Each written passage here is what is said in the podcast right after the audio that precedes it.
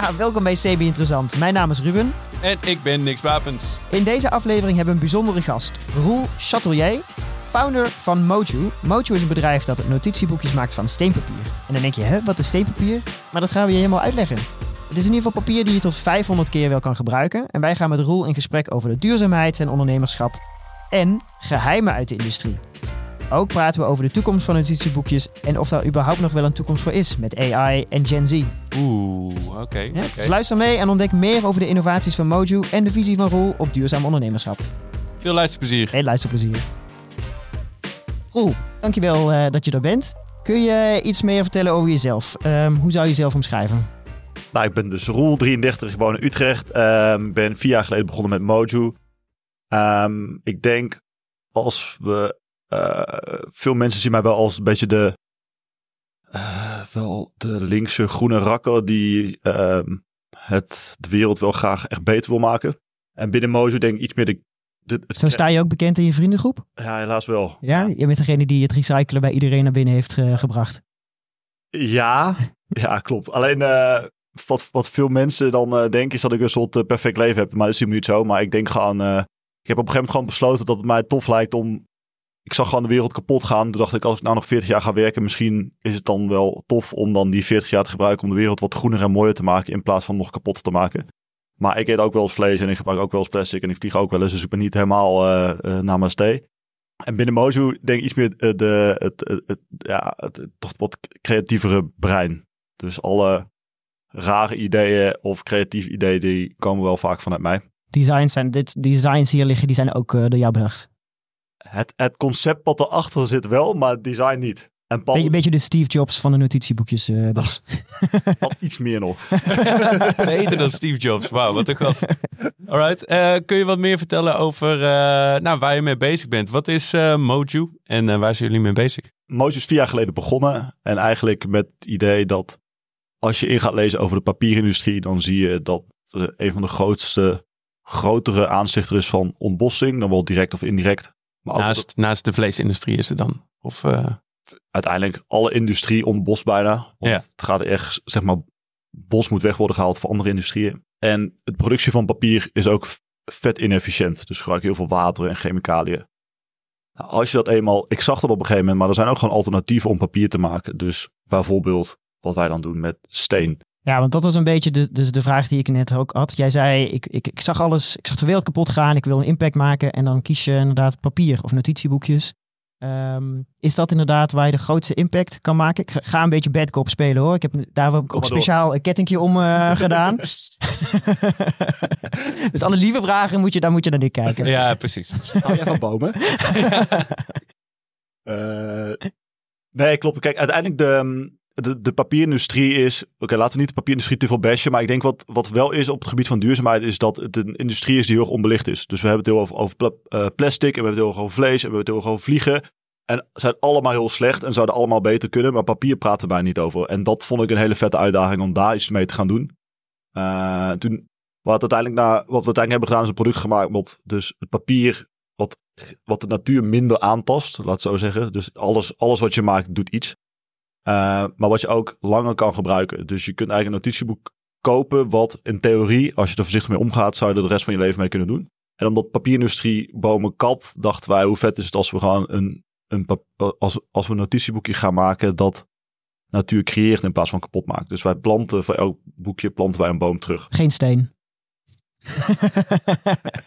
dat zou helemaal circulair zijn. Um, heb je ook wat meer uh, data erover? Want voor mij uh, kwam het eigenlijk als uh, ja, iets nieuws dat de papierindustrie zo belastend voor, de, voor het milieu was. Want ja, vliegen, dat weten we allemaal. Er komt naar verschillende stoffen vrij. Dat is niet goed. Uh, vleesindustrie weten we ook over het algemeen, maar papier... Als je het nog niet weet, kun je ook de vorige afleveringen luisteren die we met Frank hebben opgenomen. Inderdaad, ja, mooie interlink inderdaad. maar papierindustrie, uh, heb je wat data voor me? Ja, het probleem met de papierindustrie is dat het gewoon een mega-industrie is. Dus het wordt eigenlijk, ja, overal waar je komt zie je papier. Dus voor verpakkingen, voor, voor, voor uh, pakketjes te verzenden, karton, maar ook om op te schrijven, printen, labeling. Dus het probleem vooral bij papier is dat het een mega-industrie is. Dus één, gewoon één cijfertje is dat de papierindustrie 7% van uh, alle CO2-uitstoot van, van, eh, die er gecreëerd wordt, komt van de papierindustrie. Dus zoals, omdat we dus die boom kappen, maar ook omdat het productieproces gewoon inefficiënt is. Dus heel veel water, chemicaliën, maar ook de energie die erbij wordt gebruikt. En, eh, en dan zegt men vaak, ja, maar je kunt papier toch recyclen. Maar dat is een beetje de... Doordat je papier kan recyclen, denken mensen, oh, ik ben duurzaam bezig. Maar eigenlijk, papier, schrijfpapier kan vaak maar twee keer recycled worden. En dat wordt heel vaak, eh, gaat het heel snel, de kwaliteit gaat heel snel omlaag. Dus je krijgt karton en het wordt vaak maar tot zeven keer recycled. En wij in Nederland recyclen papier best wel goed, maar in het buitenland gebeurt het vaak niet. En dan komt het gewoon op landfills te liggen en dan scheidt het ook chemicaliën uit. Dus Chemicaliën van notitieboekjes, onder andere. Ja, dus eh, om eh, papier wit te maken wordt de bleek gebruikt. Hm. Dus dat, is eigenlijk, dat zijn de chemicaliën die met name gebruikt worden. Want welke kleur is het als je het niet gebruikt? Beetje off-white, beige. Ja. Ja. Eigenlijk wel toffer. Ook wel Ja. cool, ja. Alright. Zo Dus, hipster, ja. Ja. Off-white. want hoe kwam je op het idee? Eh, zag je iets eh, over steenpapier langskomen? Of heb je... Papier schaar. Steenpapier. Ja, zo, zo noem je het ook. Of hoe noem je het? Steenpapier? Ja, ik doe mijn steenpapier, ja. Ja, steenpapier. Heb het 1 april hebben we de steenpapierschaar een keer uitgebracht. Ja. Die hebben mensen ook nog gekocht, hè. We Maar dat is een schaar waarmee je... hadden gewoon een afbeelding van de schaar gepakt. Van, hey, vandaag te koop, de steenpapierschaar. Maar uiteindelijk moest je geld eh, terugsturen omdat het niet echt was. Of eh, hebben jullie wel een schaar opgestuurd? Nee, nee, dat geld gewoon teruggestort. Ah, ja, Ja, ja. Heel goed. ja, hoe ben je op het eh, idee gekomen? Ik hoorde, denk ik, tien jaar geleden tijdens mijn studie. eh, ik deed bedrijfseconomie en toen heb ik een master gedaan in Sustainable Entrepreneurship. Sustainable. Ik heb al helemaal door wat voor de aflevering dit gaat worden. Precies. Ik zal er ook zo een paar ingooien. Eh, eh, en toen vertelde iemand over steenpapier. En toen, dat was eigenlijk gewoon iemand die was gewoon alleen maar ideeën aan het droppen van, wisten jullie dat dit kon? En wisten jullie dat dat bestond? En wisten jullie dat? En op een of andere manier bleef dat steenpapier bleef gewoon bij Dit me was zo'n bedweter die naast je zat? Of dit was een professor op van een Die was een unie? professor. Ah, oké, ja, die was gewoon, ja. Dan mag die deed gewoon Ja. een inspiratieuurtje, zeg maar. Ah ja. En steenpapier bleef gewoon bij mij hangen. Want ja, als je voor het eerst hoort van... Hoe kun je nou papier maken van steen, weet je wel? Dus ik ging toen thuis kwam dat googlen en toen zag ik van... Oh ja, oké, ze verpoederen gewoon eh, steen en dan binden ze dat ergens mee. En dan ga je kijken hoe papier wordt gemaakt. Dat is eigenlijk altijd zo. Dus je, je maakt iets gewoon een soort van slap, klein, eh, dun en dat, en dat ga je ergens mee binden. Waar wordt steenpapier mee gebonden? Ah, eh, plastic, HDPE. Oké. Dus als een, een kunststof. Mhm. En plastic is slecht. Ja. Dat weten we. ja. Ja. Nee, kijk, het, het, ehm, ik ga zo over het plastic stukje praten. Maar Ja. wat, ehm, wat ik toen merkte is dat eigenlijk als je kijkt naar hoe steenpapier gemaakt wordt, is de impact ervan is eigenlijk lager dan regulier papier. Maar, eh, en het is heel goed te recyclen, veel beter dan normaal papier. Maar tien jaar geleden had ik geen ervaring in ondernemen en ik had geen idee hoe ik dat zou moeten doen. En toen dacht ik op een gegeven moment, ja oké, dus dan kan ik steenpapieren boekjes kan ik importeren, want het wordt in Taiwan gemaakt. Dan komt dat hier op de markt en dan hebben we hier straks een nieuwe afvalstroom waar we niks mee kunnen. Dus dan heb je een boekje, dat gebruik je één keer en dan heb je afval waar je niks mee kan. Nou, uiteindelijk is, het, als het bij het restafval komt, is het helemaal niet zo vervuilend. Maar ik ken het product toen niet, niet goed genoeg en toen heb ik het een beetje laten, laten gaan, zeg maar. Want toen dacht ik, ja, ik wil niet een soort van uit eigen gewin dan dat ik dan een ve- vette, gadget op de markt breng die uiteindelijk de wereld nog slechter maakt. En toen, ik denk vijf jaar later, toen, toen dat steenpapier is altijd blijven, op een of andere manier is dat altijd in mijn hoofd gebleven. Omdat ik het gewoon altijd echt vet vond. Eh, Het idee vond ik heel vet. En toen kwam ik er op een gegeven moment achter dat, je, eh, dat steenpapier waterafstotend was. En ik wist dat je waterafstotende pennen had. Dus toen ging ik testen. En Toen eh, met, zo'n met, zo'n met, uit- met gewoon normale steenpapieren boekjes die op de markt waren. En toen, Er waren toen al concurrenten eh, Ja. op de markt. eh, en toen bleek dat je dat gewoon met water weer eraf kon vegen. En toen dacht ik, ah, nu heb je eigenlijk een product dat beter gemaakt wordt, maar ook veel langer gebruikt wordt. Dus daarmee kon ik het probleem van het afval van steenpapier een beetje vooruitschuiven. Dus we gingen wel boekjes maken, maar we gingen ook meteen aan de slag van, oké, maar wat nou als we het weer, wat, wat, wat als het ooit afval wordt? Maar toen hebben we eigenlijk tegen klanten gezegd, oké, wij weten nog niet wat we met afval kunnen, maar geef maar gewoon terug aan ons. Dit was vier jaar geleden. Dus Toen kon het nog. jouw, jouw bed was een, was, eh, je hebt wel die studentenkamers die allemaal pallets zijn en dan een matras erop, maar jij hebt allemaal notitieboekjes en dan je matras erop. Tot op de dag wachten dat je er iets mee kan doen. Ja. Ja. Ik slaap, slaap de laatste tijd zo slecht, maar... Ja. Nee, kijk, uiteindelijk, het klinkt een beetje van, wat moeten we met het afval? Maar uh, uiteindelijk is het een hele, hele schone afvalstroom. Dus je kunt het eigenlijk super goed recyclen. En het heeft een cradle-to-cradle certificaat. Dus je kunt er eigenlijk gewoon een nieuw, nieuw steenpapier van maken. Dus, dus het project waar ik nu mee bezig ben, is om te kijken of we het lokaal hier kunnen verwerken met een partij die dan wel plastic verwerkt of dan wel papier verwerkt. Ik weet niet of zij ervoor openstaan, maar we zijn aan het kijken of we wat meer dingen lokaal kunnen gaan doen. Want dat betekent dat we ook uh, steenpapier, karton, steenkarton, Mm. uh, Ja. voor, voor, om, om, uh, om producten te shippen van webshops. Die zijn dan ook meteen waterafstotend, dus je product is beter beschermd. Je kunt de dozen vaak gebruiken. En we zouden dan steenafvalstroom vanuit Nederland kunnen gaan gebruiken. Dus we willen eigenlijk kijken of we hier een klein fabriekje op kunnen gaan zetten. Ja, ja want ik uh, kwam Moju of een, uh, of een andere nou, steen, uh, steenpapier notitieboekmerk. dat is een uh, kalkjebord. Uh, die kwam ik tegen en toen, uh, dat was bij het bedrijf waar ik heb gewerkt, toen zei een collega, ja, maar dat slaat nergens op, want papier kun je gewoon heel makkelijk recyclen. maar steenpapier, daar zit eigenlijk plastic in, dus het is geen plastic en het is geen steen, dus heel moeilijk recyclebaar. Mm. wat is daarvan van waar? Nou, eigenlijk het is het is juist een hele schone afval, het is een schone afvalstroom, want het is alleen kalk, 80% kalk en 20% HDPE kalk wordt vaak al toegevoegd aan afval om uh, chemicaliën af te vangen. Dus als je dit bij het normale afval zou gooien, dan wordt sowieso vaak kalk aan toegevoegd. Maar HDPE is ook prima recyclebaar plastic of een goed recyclebaar plastic. Dus eigenlijk wat je zou willen, stel dat we dit geven aan een plastic recyclebaar, recyclelaar, lalalalaar, uh, die, die, die, die, kan die, die is hier wel blij mee, zeg maar. Dus die kan er wel mee. Dit is gewoon in Nederland, als je het in de, bij, bij het plastic afval weg zou gooien, dan komt het goed terecht, ja. zeg maar. Ja, wij adviseren nu gewoon bij het restafval. Oh, bij het restafval zelfs. Ja. Uh, maar als het goed is, gebruik je dus uh, Moju uh, 500 keer, zag ik ergens online staan. Ja. dat is minimaal een aantal jaren. Dus de reststroom zou minimaal moeten zijn met de producten. Dat is, dat is het voorna voornaamste dan. Dat is het idee. Ja. ja. Maar eigenlijk als je, om die oud-collega van jou even te corrigeren. Ja. wij, hebben, wij hebben een LCA gemaakt, wat eigenlijk de, een pulpapieren notitieboekje, dus een normaal papieren notitieboekje, dat in Nederland gerecycled wordt. Als je dat vergelijkt met een steenpapier notitieboekje dat in Taiwan gemaakt wordt, hier naartoe wordt gehaald en dan bij het restafval gaat. En ze gebruiken ze allebei één keer, dan is steenpapier nog beter. Hm. Dus dan is de impact ongeveer 95% van een papieren boekje. We noemen, je noemde net 500 keer herschrijfbaar. Dat is natuurlijk een ideale wereld, maar in onze impactmodellen gaan Net zoals in de, in de auto-industrie, de hoeveel kilometer je kan rijden. Ja, precies, een elektrische auto. Ja. Ja. Uh, in onze impactmodellen gaan we uit van 15, omdat we weten dat iemand gemiddeld drie notitieboekjes per jaar gebruikt. Dus dan hebben wij gezegd, uh, nee sorry, vijf per jaar. En dan, dan gaat hij waarschijnlijk drie jaar mee. En dan ga je hem op een gegeven moment vervangen, want de kaft gaat kapot. Of, uh, of misschien raak je hem een keer kwijt of wat dan ook. Dus wij gaan uit van 15. Dus eigenlijk die, die 95% impact die ik net noem, zou jij kunnen delen door 15.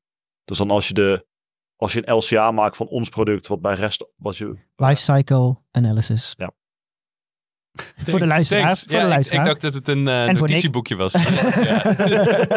We hebben niet alleen maar duurzame luisteraars. Nee. Ja. Uh, ah, Oké, okay, long story short, wat een LCA is, is dat je uiteindelijk de impact vergelijkt van twee producten. En dan als je deze 15 keer gebruikt, dan is de impact uh, 6% van een papieren boekje. Waar zit de impact van normaal papier dan in? Zeg maar, waarom is het zo hoog ten opzichte van uh, steenpapier? Nou, één, omdat je een boom kapt. Die CO2 heeft opgenomen. Uh, vervolgens is een boom best wel hard. Dus om dat zacht te krijgen moet daar heel veel water bij. Dus één velletje A4. Een beetje, een beetje afhankelijk hoe het geproduceerd wordt. Maar één, voor één velletje A4 wordt tussen de 2 en 14 liter water gebruikt. Eén velletje. Dus een douche is 80 liter. Dus als jij, als jij, als jij zes, of wat is het, als je acht velletjes papier print op een dag, dan is dat net zoveel als douchen. Energieverbruik is ook relatief hoog. En uh, ja, die bleek die we net noemden. Er komt altijd bleek bij papier. Ja. ja. Is, is dat ook bij um, zeg maar duurzaam papier? Je hebt natuurlijk papier dat, uh, even de producent kwijt, maar uh, die... Paperwise. Ja, Paperwise. Ja. Ik weet niet of zij, dat, dat, dat zou ik niet durven zeggen. Maar uh, zij gebruiken in ieder geval geen bomen. Dus zij, zij gebruiken geen recyclepapier. Zij gebruiken volgens mij, uh, ik denk landbouwafval. of, of, of gas of wat dan ook. Dus dat is al, dat is al beter. Ja. En je ziet ook wel, de papierindustrie is ook wel aan het vergroenen hoor. Dus die, die 2 tot 14 liter, je ziet wel dat er uh, dat 10 liter niet meer de norm is of zo. Dus je ziet wel van oké, wij moeten ook echt wat gaan doen. Dus ik wil niet alleen maar de papierindustrie bash. Ja, wel een beetje. Ik ben hier de bedkop, hè? ik kan zo het kettingje ja. overgeven, dan, uh, dan kan hij ook bedkop spelen. Alright, dus uh, het, het, is nog een redelijk uh, analoge technologie eigenlijk, notitieboekjes. er zijn verschillende digitale alternatieven op de markt. Dus Remarkable bijvoorbeeld, een soort van e-book scherm waar je op gaat tekenen. Um, hoe zie je de toekomst van Moju dan ook voor je tegenover een digitaal alternatief? -hmm. Nou, ik merkte toen ik, ik werkte vroeg bij de bank, um, waar ik altijd behoefte aan had, is iets naast me waar ik op kon schrijven. Dus gewoon, oké, iemand belde, even wat opschrijven of even notitie maken. Daar, daar gebruik ik zelf notitieboekjes voor. En die behoefte blijft denk ik wel. Ik denk dat mensen vaak wel de behoefte hebben om iets erbij te hebben waar ze op kunnen schrijven. En ik vind het zelf in afspraken, vind ik het veel persoonlijker. Dus ik, ik ga nooit afspraken in met een laptop. Ik vind het gewoon heel onpersoonlijk om met een laptop ergens te gaan zitten. Ik en Nick hebben nu allebei een laptop voor ons trouwens, voor de luisteraars. Maar ik vind jou wel sociaal, want jij hebt ah, een Facebook liggen. Ja, oké. ik, heb, ik heb beide, ja. Ik, ik ben al sociaal, ja. Altijd in balans. Nick is nee, soms voegt de laptop wel toe. Maar als je, toen ik vroeger altijd bij de bank naar een klant ging en ik maak zo mijn laptop tussen, tussen ons in, dacht ik, ja, ik, ga, ik kom hier ook een beetje om, uh, om relaties te bouwen. En dat, en dat doe je dan niet als je gewoon je laptop opent, vind ik, of minder. Dus waar gaan we heen met de notitieboekjes? Uh, ik denk dat er altijd wel een behoefte zal blijven om te schrijven. En uh, dat ook steeds meer mensen de behoefte hebben om offline te gaan. Dus het, kan, zou in theorie ook nog wel eens wat kunnen gaan stijgen. Of misschien wel gelijk blijven. Helaas is, denken we dat we in een, in een, in een tijdperk van digitalisering zitten. Maar dat, je ziet wel dat het papierverbruik wel jaar op jaar blijft toenemen. Dan wel met notitieboekjes, dan wel met andere dingen. Maar... Confetti.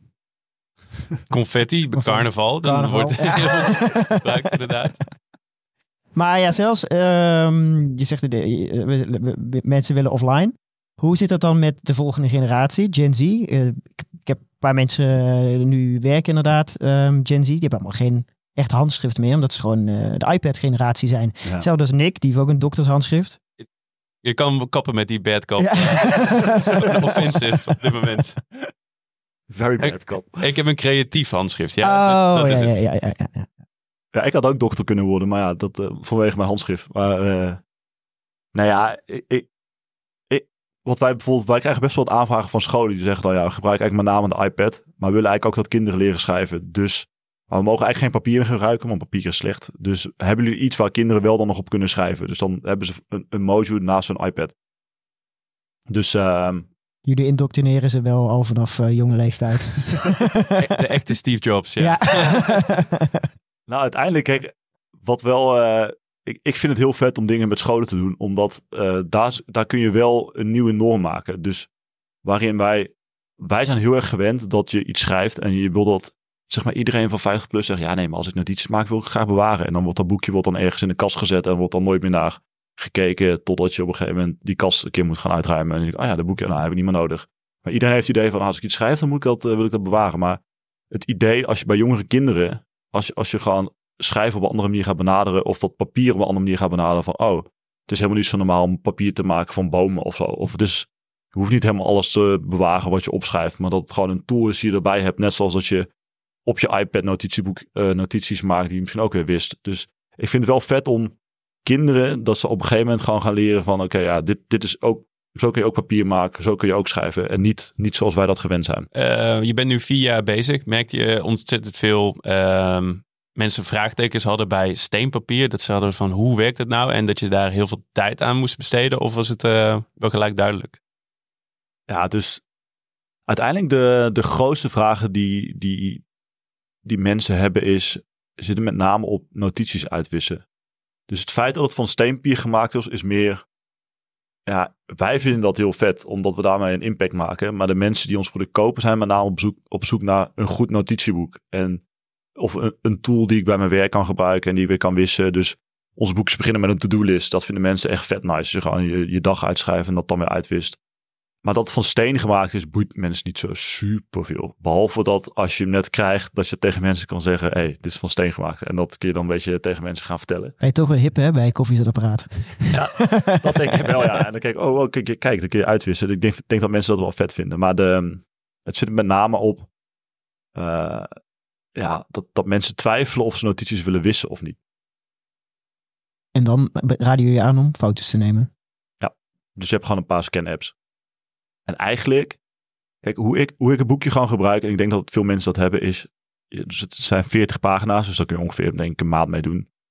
En dan, uh, ja, ik pak aan het einde van de maand pak mijn boekje en dan ga ik er doorheen en dan maak ik even van de belangrijke dingen schrijf ik even in gespreksverslagjes op, uh, mijn computer op. Maar vaak is het echt maar 10%. Want die andere 90% heb je vaak al verwerkt. Of heb je al een mail gezet. Of heb je al, is eigenlijk helemaal niet meer nodig. Want dit is al, af, is, dit is al verwerkt. Dus dan één keer maand wist ik gewoon even alles uit. En de dingen die ik wel nog wil bewaren, schrijf ik gewoon even ergens op. Of ja, typ ik ergens op. Klinkt eigenlijk ook alsof het een heel goed proces is. Een soort van maandafsluiting, evaluatie van wat heb je ook weer uh, gedaan die maand en wat neem je mee naar de volgende maand. Ja, ja. ja. Maar scan-apps, dan scant hij uh, de tekst en maakt hij er tekst van als in op de Sommigen doen dat wel, ja. Maar dat is heel je hebt daar één technologie voor die allemaal wordt gebruikt. Dus afhankelijk van hoe netjes je schrijft of die echte tekst. dus voor Nick werkt het niet. Voor Helaas mij, niet. Nee, voor jou ook niet. dus ik kan er niks over zeggen. Nee, ja. Ja, nou, het zou uh, heerlijk zijn. Nou, ik en Ruben die hebben ons hele leven uh, in Notion uh, gezet. als Notion, wat een software is om notities in te zetten, to-do-lijsten, van alles. Als die ooit gehackt wordt, dan weet ik echt niet meer wat ik zou moeten doen. Dus als er een combinatie zou zijn dat ik het fysiek kan opschrijven in een Moju en in kan scannen in Notion, dan is al mijn problemen zijn weg. Al mijn levensproblemen. Ja, zou, misschien is het wel. Ik weet niet of wat waar Notion mee integreert, maar misschien zou het best wel met een, met een uh, Google Scan app of een Evernote of wat dan ook. Zou best wel, misschien werkt het wel. Ja. Nou, tot die dag uh, blijf ik maar uh, problemen hebben. wat ik hier weer bij de Consensus app, daar heb ik het vorige keer in onze podcast ook over gehad. Consensus is een AI database die al um, wetenschappelijke artikelen scant. En daar staat ook in dat een studie heeft gevonden als je fysiek schrijft tegenover dat je typt, dat je veel beter de dingen die je schrijft onthoudt. Dus naast dat het ook goed voor de natuur is, is het eigenlijk ook beter voor ja, je geheugen. Wie schrijft die blijft. Wie schrijft die blijft. ja, hangt dat bij jullie op het kantoor? Nou, volgens mij hebben ze wel. Uh, ik weet niet of dat een vraag was, maar ik kan er wel antwoord op geven. je, uh, volgens mij als je het schrijft onthoudt zeven keer beter of zo. Dus ik denk ook voor studie of wat dan ook is het altijd wel handig om, uh, om dingen te blijven schrijven. Ja. Vroeger toen ik uh, studeerde, deed ik ook wel samenvattingen typen. Maar dat gaat veel sneller, maar je onthoudt helemaal niet zo goed. En als je het meeschrijft, dan uh, onthield ik het altijd veel beter. Ja, ja. mooie anekdote. Ja. Ben, jij, ben jij rechts of linkshandig schrijven? Rechts. Ja, wij zijn allebei links. Ja, want ik uh, las online dat uh, linkshandigen, die, uh, die kunnen wel wat problemen ervaren met uh, notitieboekje. Ja, dat is wel echt minder ideaal voor. Ja, want de droogtijd van de inkt is wel ongeveer 10 seconden. Dus je hebt wel, we hebben al linkshandige gebruikers, maar die moeten wel, hoe ze schrijven, passen dat aan. Dus dat zijn wel de, de mensen die het heel graag willen. Ja, ja. of heel langzaam schrijven, zodat het dro droogt in de tussentijd. Dus een hoog uurtarief hebben, toch? Ja, ja. alleen maar voordelen. Ja. zie alleen maar voordelen. Ja, uh, best, wel, uh, best wel grappig, want uh, Ruben en ik zijn alle twee linkshandig. Dus ik vind het een fantastisch product, maar we zijn helaas zelf niet, niet de doelgroep. Ja, ja nee, ik ben, ehm, ik schrijf inderdaad best wel veel nog. Dus ik heb ook een journaling dat ik doe en een dankboek waar ik, waar ik in schrijf. Alleen, ik um, heb ooit een keer een vulpen gekregen van destijds wat ook alweer? Van mijn schoonvader dan, toen ik 18 was. Um, eh, om, uh, omdat ik toen ging studeren en een uh, vulpen nodig had om, uh, om handtekeningen te zetten onder hele belangrijke contracten, vond hij. maar daardoor ben ik wel heel erg in. dus ik, ik heb daarna, daarna eigenlijk nooit meer echt kunnen schrijven met een andere pen, omdat gewoon. Het voelt gewoon heel. maar kun je met links schrijven met een vulpen? Ja, ik kan dat. nou, aanpassen wow, ja. Normaal zijn vulpen ook niet chill van linkshandig. Nee, klopt. Nee, ik heb daar wel inderdaad voor moeten aanpassen. En ik heb soms ook wel um, een blauwe blauwe hand. Ja. Maar de vulpen die ik nu heb, die, uh, droogt heel snel, blijkbaar. Ja, en zo'n blauwe afdruk laat ook zien hoe artistiek je bent. Ja. Dus dat eh, heeft ook weer voordelen. Ja, en de pen is sterker dan het zwaard, hè? Dus dat eh, kun je dan... Dus dat is een wijze- bewijs daarvan. Ja, wijsheden. Ja. Kantoor. de pen- ja. Ehm, want ik kan me ook heel goed voorstellen, eh, journaling is eh, geloof ik best wel een, eh nou, een, een diehard eh, niche binnen de notitie game. Eh, merk je dat ook in jullie producten, dat jullie daar, eh, eh, dat veel klanten daarmee bezig zijn of dat jullie daar aanpassingen voor maken in notitieboekjes? Nee. En ik denk ook niet dat ons product daar super handig voor is, moet ik zijn. Nee, ik denk dat het gewoon heel handig is voor, voor snelle notities op je werk of in je huishouden of wat dan ook. En ik doe ook journaling en dan gebruik ik een niet uitwisbaar boekje. Ja. Dat is mijn enige niet uitwisbaar boekje dat ik gebruik. Maar dat vind ik relaxer gaan en dan, dan dat is toch gewoon... Ja, ik vind het vet om dat terug te lezen op een gegeven moment. Ja. Ja. Ah, dat is het. Het is niet dat het, ehm, omdat je veel aan het schrijven bent, dat je dan zelfs als rechtshandige dus over je eigen dingen gaat. Nee, nee, want je schrijft naar beneden. Ja, Nee. oké. Nee. Dat Ja, hebben ik- niet. Ik zou het wel fijn vinden van eh, journaling dat ik sommige eh, eh, eh, herinneringen kan uitwisselen. dus dat zou dan wel weer een voordeel zijn kunnen Ik heb op een gegeven moment heb ik wel echt een meisje gehad die zei op een gegeven moment: Ik vind het chillen aan jullie notitieboek. eh onder gebruik voor journaling. Dat ik soms zo'n raar gedacht heb. Dat ik het de dag daarna wat ik heb opgeschreven weer uit kan wissen. Ja, er zit ook wat in inderdaad. Ja. ja. Hoe, ehm, wel even terug naar zeg maar, de nieuwe generatie. AI is natuurlijk heel erg in het komen. Ehm, ik, zelf gebruik ik AI ook wel voor gespreksverslagen. Als ik, het, als ik dus meet, ik tik namelijk wel mee op de laptop, omdat dat sneller gaat. Asociaal. Heel asociaal. Jij moet die kennen. Eh, maar goed, ben badkop, hè, ben badkop. En dan, dan, dan gooi je het allemaal in een AI en die maakt er een heel mooi gespreksverslag van. Hoe kun jij, hoe, hoe, hoe kijk je daar naartoe? Kun- Kun je als, als schrijfwaar nog wel ehm competen, ik ben even het Nederlandse woord. Concurreren. Concurreren, thanks. Eh, met, ehm, met AI. Ik denk dat. ehm, ik weet niet of, of AI of gespreksverslagen het maken hetzelfde is als een. eh, als een Yo, ik word gebeld. ah, iemand geeft een nummer door. Dan moet ik even opschrijven. Of even mijn to-do-listje achter onder elkaar zetten. Of, ehm, of, of bij een klant een paar, een paar dingetjes opschrijven die je even moet onthouden. Ehm, ik denk ook niet dat iemand ons boekje gaat gebruiken om zijn thesis in te schrijven of zo. Dus ik denk ook, en dat, dat doe je überhaupt niet in een notitieboekje, denk ik. En, eh, dus ik denk voor lange stukken tekst ga je sowieso op de PC werken of op, de, op je computer werken. En uiteindelijk om, zeg maar, om misschien een beetje van het notitieboek af te stappen. Want ik denk, ik denk als, ik- als ik mijn visie mag geven op papier, denk ik dat het Ja, dat schrijven... mag. Ik ben een specialist, dus eh, jij maakt dat. Dankjewel, jongens. Ehm, uiteindelijk, als we misschien over 50 jaar, zal de hoeveelheid die wij schrijven wel echt afnemen. Dus in Nederland zie je misschien, ik weet het niet, maar laten we zeggen dat misschien Nederland met 2% per jaar afneemt en dat het langzaam steeds minder wordt. En er zal altijd nog wel geschreven worden. En we hebben best wel een grote populatie, dus de vraag naar notitieboeken zal altijd blijven, maar het zal altijd minder worden. Ik denk dat de totale hoeveelheid, de totale vraag naar notitieboekjes nog wel stijgt, want je hebt ook ontwikkelingslanden, dus daar wordt eh, die, die die gaan steeds meer naar, niet naar school, maar ik denk dat daar schoolartikelen steeds bijvoorbeeld eh, eh, beter beschikbaar worden. Dus en, en er komen steeds meer kantoren en kantoorbanen. Dus daar zal de vraag naar notitieboekjes nog wel stijgen. Maar daar zal het op een gegeven moment ook weer afnemen, want er, er komt ook technologie die het in gaat halen. Maar hoe ik Mojo een beetje zie is, ehm, het is een hele handige tool om mensen te laten zien dat je papier kan maken van andere materialen dan van pulp dat je een product hebt dat je langer kan gebruiken dan één keer. En, als, eh, en, en iets wat natuur maakt in plaats van kapot maakt. En ik zie het ook een beetje als een opstapje naar eh, producten maken, steenpapierproducten maken. Of, of een opstapje naar een andere papierindustrie opzetten dan die we nu hebben. Dus we hebben, eh, eh, als je kijkt naar waar het verbruik zit in papier, is misschien wel 90% is karton. Dus uiteindelijk zou ik heel graag steenpapier karton maken.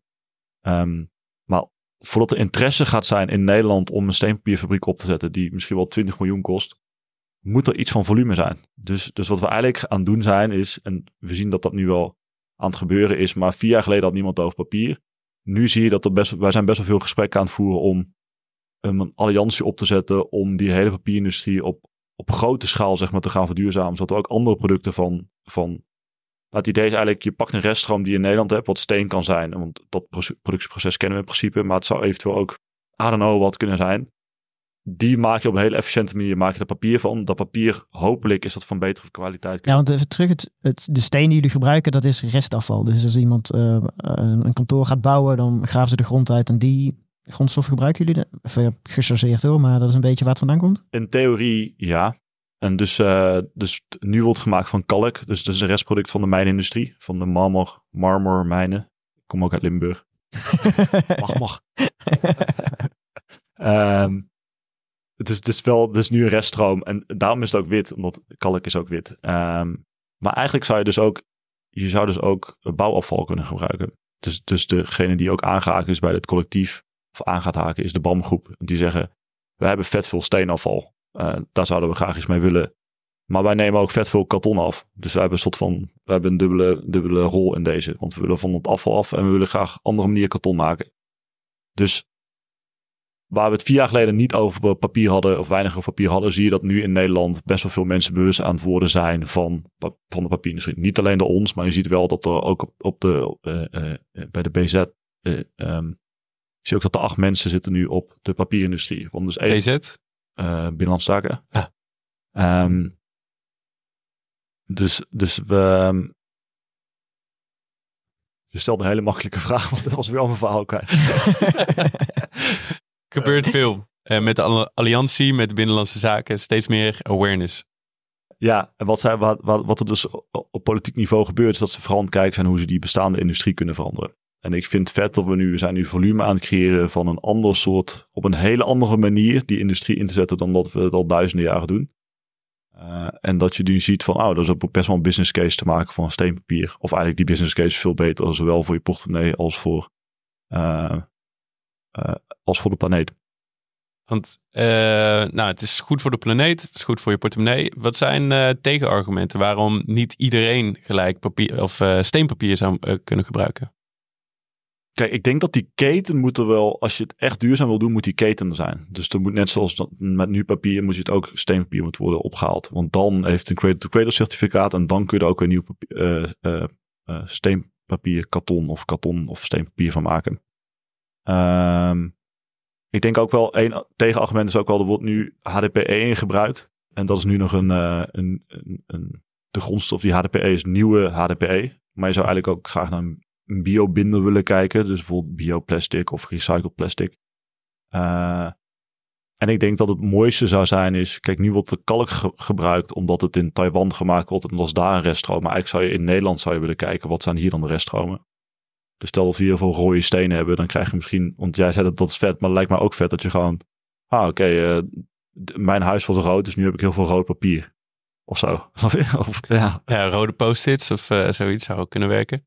Ja, maar ja. Liefdesbrieven. Liefdesbrieven, heel goed. Ja, ja, maar eigenlijk hoeft papier niet wit te zijn, toch? Ja, je hebt het idee dat het dan schoon of zo is of zo, maar je kunt prima ook op een, eh, op een, eh, op een, op een rood velletje of een blauw velletje schrijven of zo. Ja, eindeloos, eindeloze mogelijkheden dus.